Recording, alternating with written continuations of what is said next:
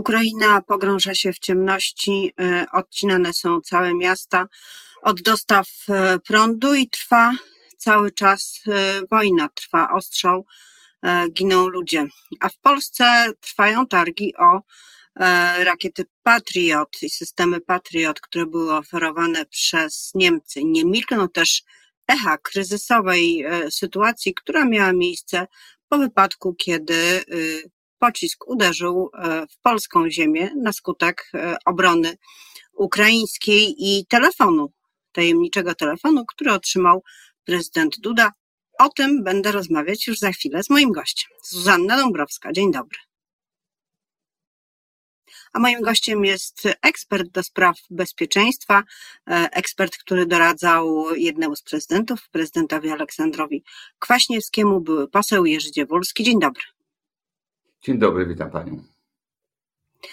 E, rosyjskie trole, dwóch e, internautów zadzwoniło do polskiego prezydenta, podając się za prezydenta e, Francji Emanuela Macrona.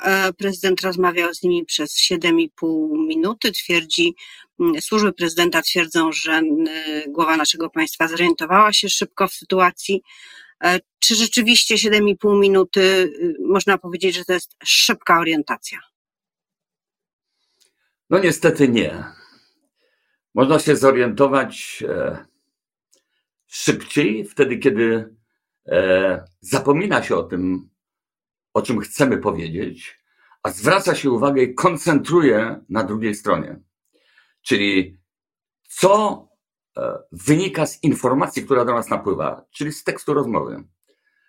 Jakiego rodzaju jest tło tej rozmowy, co słyszymy w tle, albo także e, zwracamy uwagę na charakterystykę języka, na akcenty, bo przypominam, i to chyba wszyscy wiedzą, że prezydent Duda rozmawiał wielokrotnie z prezydentem Macronem. I inaczej brzmi jednak język angielski w wykonaniu Francuza. I co do tego nie mam cienia wątpliwości, a inaczej jednak brzmi w sytuacji, kiedy mówi w języku angielskim Rosjanin nie ma takiej siły nie ma takiej mocy, aby e, mógł w jakikolwiek sposób zagłuszyć ten charakterystyczny e, język rosyjski, ten charakterystyczny śpiewny akcent. E, każdy, kto posłucha e, no, mowy angielskiej w wykonaniu Rosjanina, dobrze wie, kim on jest. To prawda, ale sytuacja była nerwowa kryzysowa. E, cały świat właściwie dzwonił. E, przywódcy e, chcieli się zorientować w tym, co w Polsce się stało i wyrazić swoje wyrazy poparcia, współczucia dla tego, co się stało. Być może prezydent nie zwracał wtedy uwagi na akcent i wymowę. Treść była w zasadzie poprawna, może niezbyt zaawansowana dyplomatycznie i politycznie ale w jakiś tam sposób e, poprawna, a jeśli nie prezydent, na którym ta odpowiedzialność na pewno w części spoczywa, to kto powinien zareagować? To był telefon komórkowy. No właśnie, poruszyła Pani niezwykle istotny problem. Otóż na początku powiedzmy sobie o pewnej ogólnej, charakterystycznej zasadzie, która obowiązuje każdego, kto kiedykolwiek miał do czynienia z sytuacją kryzysową. Ja miałem wielokrotnie w swojej pracy jako policjant, ale także wielokrotnie w sytuacji e, związanej z pracą pana prezydenta Aleksandra Kwaśniewskiego. E, przypominam, że zajmowałem się jego ochroną osobistą przez pewien czas. E, ten problem, o który pani poruszyła, jest problemem, który powinien zostać zapisany na dużej płachcie papieru, wywieszony u każdego kogo dotyka sytuacja kryzysowa. Otóż w sytuacji kryzysowej, to jest to credo, które e, e, chcę uwypuklić, w każdej sytuacji kryzysowej, jak mówią Żydzi i Amerykanie, do których nawiasem mówiąc szkoliłem się z sytuacji kryzysowej, podstawą jest odrzucenie fikcji od faktów. Jeżeli zajmiemy się wyłącznie sytuacją kryzysową, e, zaczniemy drążyć, to zapominamy o tym, e, gdzie jest prawda, gdzie są fakty, a zajmujemy się bardzo często fikcją. Otóż, panie doktor, tu mamy dwa problemy. Pierwszy, to dzisiaj już wiemy, że to był telefon komórkowy, co nam nieco wyjaśnia bliżej sprawę, ale gdyby to był telefon stacjonarny, to te dwa środki łączności są w gestii prezydenta. Jeżeli chodzi o telefon stacjonarny, sprawa jest dość prosta, nieskomplikowana. Weryfikacja, proszę pani, przebiega wielotorowo, ale tymi podstawowymi torami weryfikacji, czy rozmawiamy faktycznie z głową innego państwa, jest, proszę pani, awizo rozmowy. Tu akurat nie było tego awizo, bo rozmawiał prezydent przez telefon komórkowy. Ale tu jest też pewien błąd, który ja za chwilę wyjaśnię. E, Powinien Otóż... odbierać takiego telefonu? No właśnie. Andrzej Duda w takiej sytuacji powinien odłożyć komórkę? Panie doktor, nie. Prezydent, jestem przekonany, że po pierwszej historii z 2000 roku, kiedy ci sami ludzie podawali się za szefa ONZ-u, na pewno zmienił numer telefonu. Co do tego nie mam cienia wątpliwości. Tylko teraz problem tkwi w jednym. Czy prezydent ma dwa telefony komórkowe, czy jeden? Do czego służy jeden i drugi? Do zupełnie czegoś innego. Otóż pierwszy telefon komórkowy jest i powinien być u prezydenta telefonem, który wykon, w którym wykonuje się łączność wyłącznie z głowami państw. Powtarzam, wyłącznie z głowami państw. Ten telefon nie służy do jakiejkolwiek innej rozmowy, nawet z premierem w naszym kraju. Drugi telefon to telefon do właśnie takich rozmów, powszechnych powiedziałbym, czyli prezydent chce i z niego korzysta. Dlaczego o tym mówię? Ponieważ ci rzekomi komicy, czy też nie wiem, czy oni są rzekomi, ale po, podobno są komikami, pracowali, nie mam cienia wątpliwości, na zlecenie służb specjalnych rosyjskich. Dlaczego? Sami nie ustaliliby tego numeru telefonu.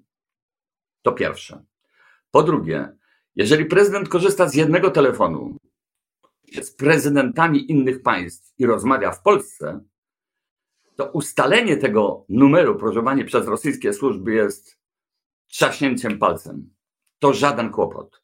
Stąd podkreślam, jeden telefon do rozmów z głowami państw i nikt go nie ustali, a przynajmniej jeżeli będzie próbował, to wpakuje się naprawdę w duże kłopoty, czyli tak zwany telefon bezpieczny, niekoniecznie szyfrujący. I drugi telefon, czyli ten do powszechnego użytku pana prezydenta. I zakładam jedną rzecz. Miał tylko jeden telefon. Stąd wiedza o tym telefonie bez żadnych problemów dotarła tam, gdzie trzeba było. I kolejna sprawa, którą pani poruszyła, niezwykle istotna. Otóż pan prezydent, przepraszam, użyję tego określenia mocniej. Pan prezydent Duda nie może odbierać bezpośrednio telefonu. Nie wolno mu. Z prostej przyczyny. Właśnie takich przypadków. Otóż powinien go odbierać albo szef gabinetu, a jeżeli obok nie ma szefa gabinetu, to jest sekretarka, bo akurat tu się tak układa, że znam ten układ pokoi w Pałacu Prezydenckim. Prezydent ma swoje gabinety vis-a-vis e, szefa gabinetu prezydenta. A więc telefon komórkowy powinien leżeć tam, u jednego, u jednej osoby albo u drugiej. I ta osoba dopiero powinna weryfikować, czy rzeczywiście ktoś, kto chce się dodzwonić do pana prezydenta, po pierwsze ma uprawnienia do rozmowy bezpośredniej, czy nie. Jeżeli nie ma takich uprawnień, to nawet nie powinien wychodzić z gabinetu z tym telefonem. Jeżeli natomiast ma takie Przecież uprawnienia jest... i roz... Y, jest prosty, wydawałoby się sposób. Każdy z nas może tak weryfikować rozmówcę, y, czyli tak zwane oddzwonienie. Y, przyjmujemy informację o tym, że ktoś się chce połączyć i mówimy, dobrze, pan prezydent, pan minister, ktokolwiek, za chwilę do pana oddzwoni, na jaki numer należy to uczynić. Kto powinien o to zadbać? Uprzedziła Pani mm, e, mój, mój dalszy ciąg rozmowy. E, I to jest bardzo istotne, co Pani mówi. Otóż także w sytuacji, kiedy rozmawia Pan prezydent, chce rozmawiać z głową innego państwa, na przykład z Panem prezydentem Macronem, to oprócz awizo, o której godzinie, oprócz sprawdzenia poprzez komórki MSZ-u, oprócz sprawdzenia poprzez ambasadę francuską, czy rzeczywiście jest to, jest to e, będzie to łączenie, podaje się także numer, w wyniku podania tego numeru należy oddzwonić w miejsce. Nie robi tego pan prezydent, tylko robi jego obsługa, e, czyli ta grupa, która zajmuje się sprawami zagranicznymi. E, bezpośrednio ona wykonuje lub MSZ. E, tego typu telefon kontrolny. I wówczas mamy jasność sprawy, że rzeczywiście rozmawiamy. Jeżeli natomiast zastrzeżenie jest w trakcie tej weryfikacji, będzie to rozmowa o charakterze poufnym, to pan prezydent zabiera za przeproszeniem telefon, idzie do innego pomieszczenia, który, które jest pomieszczeniem specjalnym, stworzonym wyłącznie do rozmowy e, pana prezydenta, do rozmowy bezpiecznej, to jest tak zwana klatka Faradaya. Tam nie przenika nic, ani w jedną, ani w drugą stronę. Zatem ta rozmowa wtedy jest bezpieczna. Otóż poza tym zwrócę uwagę, pani doktor, na taką bardzo prymitywną sprawę. Nie znam takiej sytuacji, nie widziałem przy prezydencie Kwaśniewskim. Po pierwsze, takiego telefonu miał go ktoś inny. Zawsze. Po drugie, prezydent nigdy nie stuka w klawiaturę. Zapewniam panią.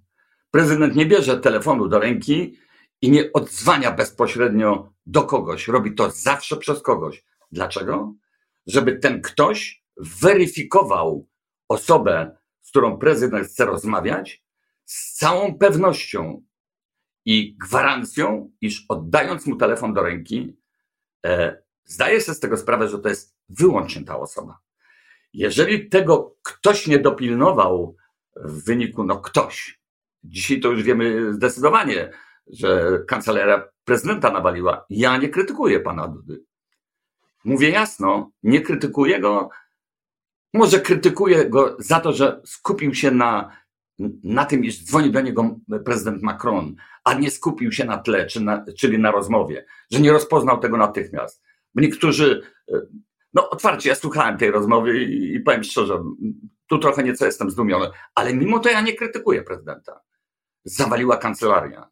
Jest to, proszę pani, wprowadzenie e, nerwowej sytuacji w warunkach, kiedy nerwowa sytuacja jest już w państwie, kiedy nastąpił kryzys, i należy traktować to w sposób na absolutnie spokojny. Nie ma w kryzysie szybkich działań, bo wtedy koncentrujemy się na zupełnie czym innym. I nie ma, panie redaktor, takiej informacji, i nie wolno takiej informacji przekazywać do społeczeństwa, jaką dziś czytam, że był e, no, bieganina, że telefony, że dziesiątki telefonów. Jakie to ma znaczenie? Jaka jest podstawowa teza w takiej sytuacji? Nie ma weryfikacji, nie ma rozmowy.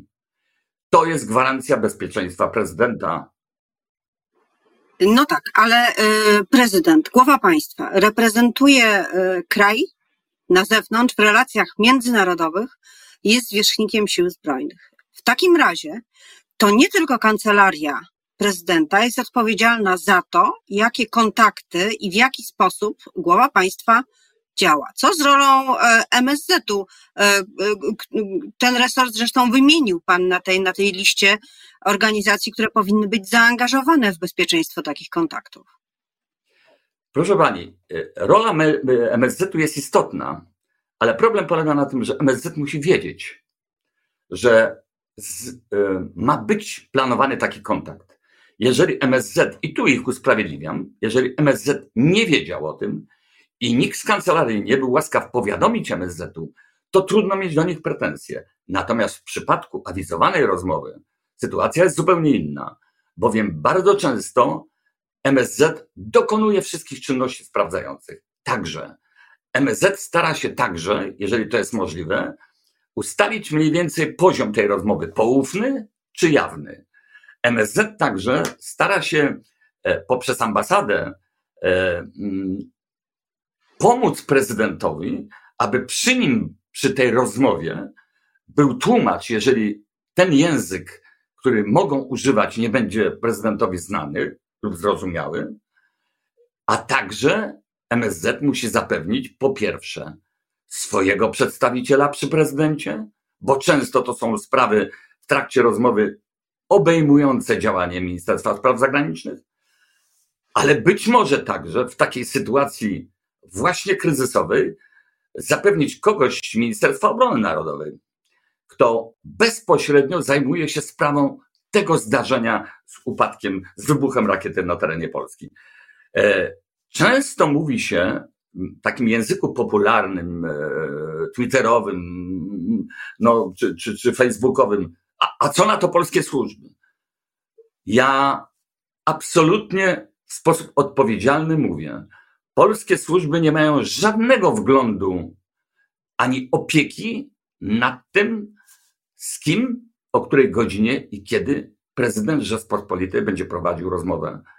Polskie służby mogą zaledwie uczestniczyć podczas tej rozmowy, na przykład przedstawiciel służb, jest zostanie poproszony w celu wsparcia prezydenta, którym powinien wygłosić jakąś tam ocenę, prawda, czy opinię w stosunku do, do drugiego rozmówcy. Zatem e, ta rola jest bardzo szeroka. Służby, ale czy służby nie powinny, nie są odpowiedzialne za przedstawienie i wprowadzenie w życie procedur, o których mówiliśmy na początku rozmowy, czyli dwa telefony, czyli to, kto odbiera e, połączenie przychodzące do prezydenta, kto oddzwania. To przecież powinno być opisane e, i stosowane. E, autorem zapewne powinny być służby, bo znają się najlepiej, czy powinny się znać najlepiej na tych wymogach bezpieczeństwa. Często fachowcy od dyplomacji no, przeciwstawiają się tego typu instrukcjom, bo, bo, bo twierdzą, że to jest nadmiar, że tak powiem, biurokracji. Otóż tu nie ma nadmiaru biurokracji. Nad bezpieczeństwem prezydenta nie czuwa biurokracja, to fakt, ale logika, sposób postępowania, doświadczenie dyplomatyczne, panie redaktor, doświadczenie wynikające z pracy w administracji państwowej, wykształcenie, przygotowanie do tej pracy. E, no a przypomnę, że te podstawy zostały zlikwidowane w swoim czasie. Nie ma tej kadry, stałej kadry E, która, która by chroniła w taki sposób także prezydenta przed takimi wpadkami, które, no otwarcie powiem, trzęsą Polską i Europą, a także światem, bo wszyscy się z tego śmieją. Oczywiście, powiedzmy sobie jasno, służby mają takie zadanie, o którym pani mówiła. To jest niezwykle istotne. Ale zapewniam panią, z doświadczenia to wiem, że opór administracji urzędników, takich jak w kancelarii prezydenta, jest tak potężny, że oni oczywiście muszą tego wysłuchać, ale traktują to jak bajkę o żelaznym wilku. Zapewniam panią. Tak to niestety wygląda. E, przykro mi o tym mówić, ale jeżeli się zwróci pani do kogokolwiek ze służb, to potwierdzą moje słowa i nikt nie jest w stanie zaprzeczyć tam.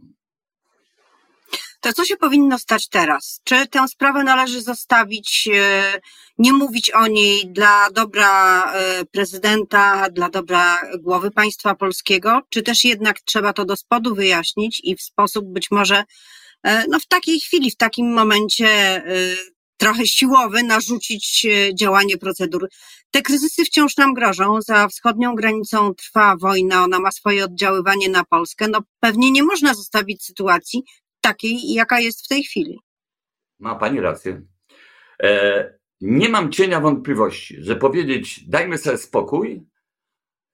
Proszę Pani, zrobiliśmy to pierwszy raz w 2020 roku.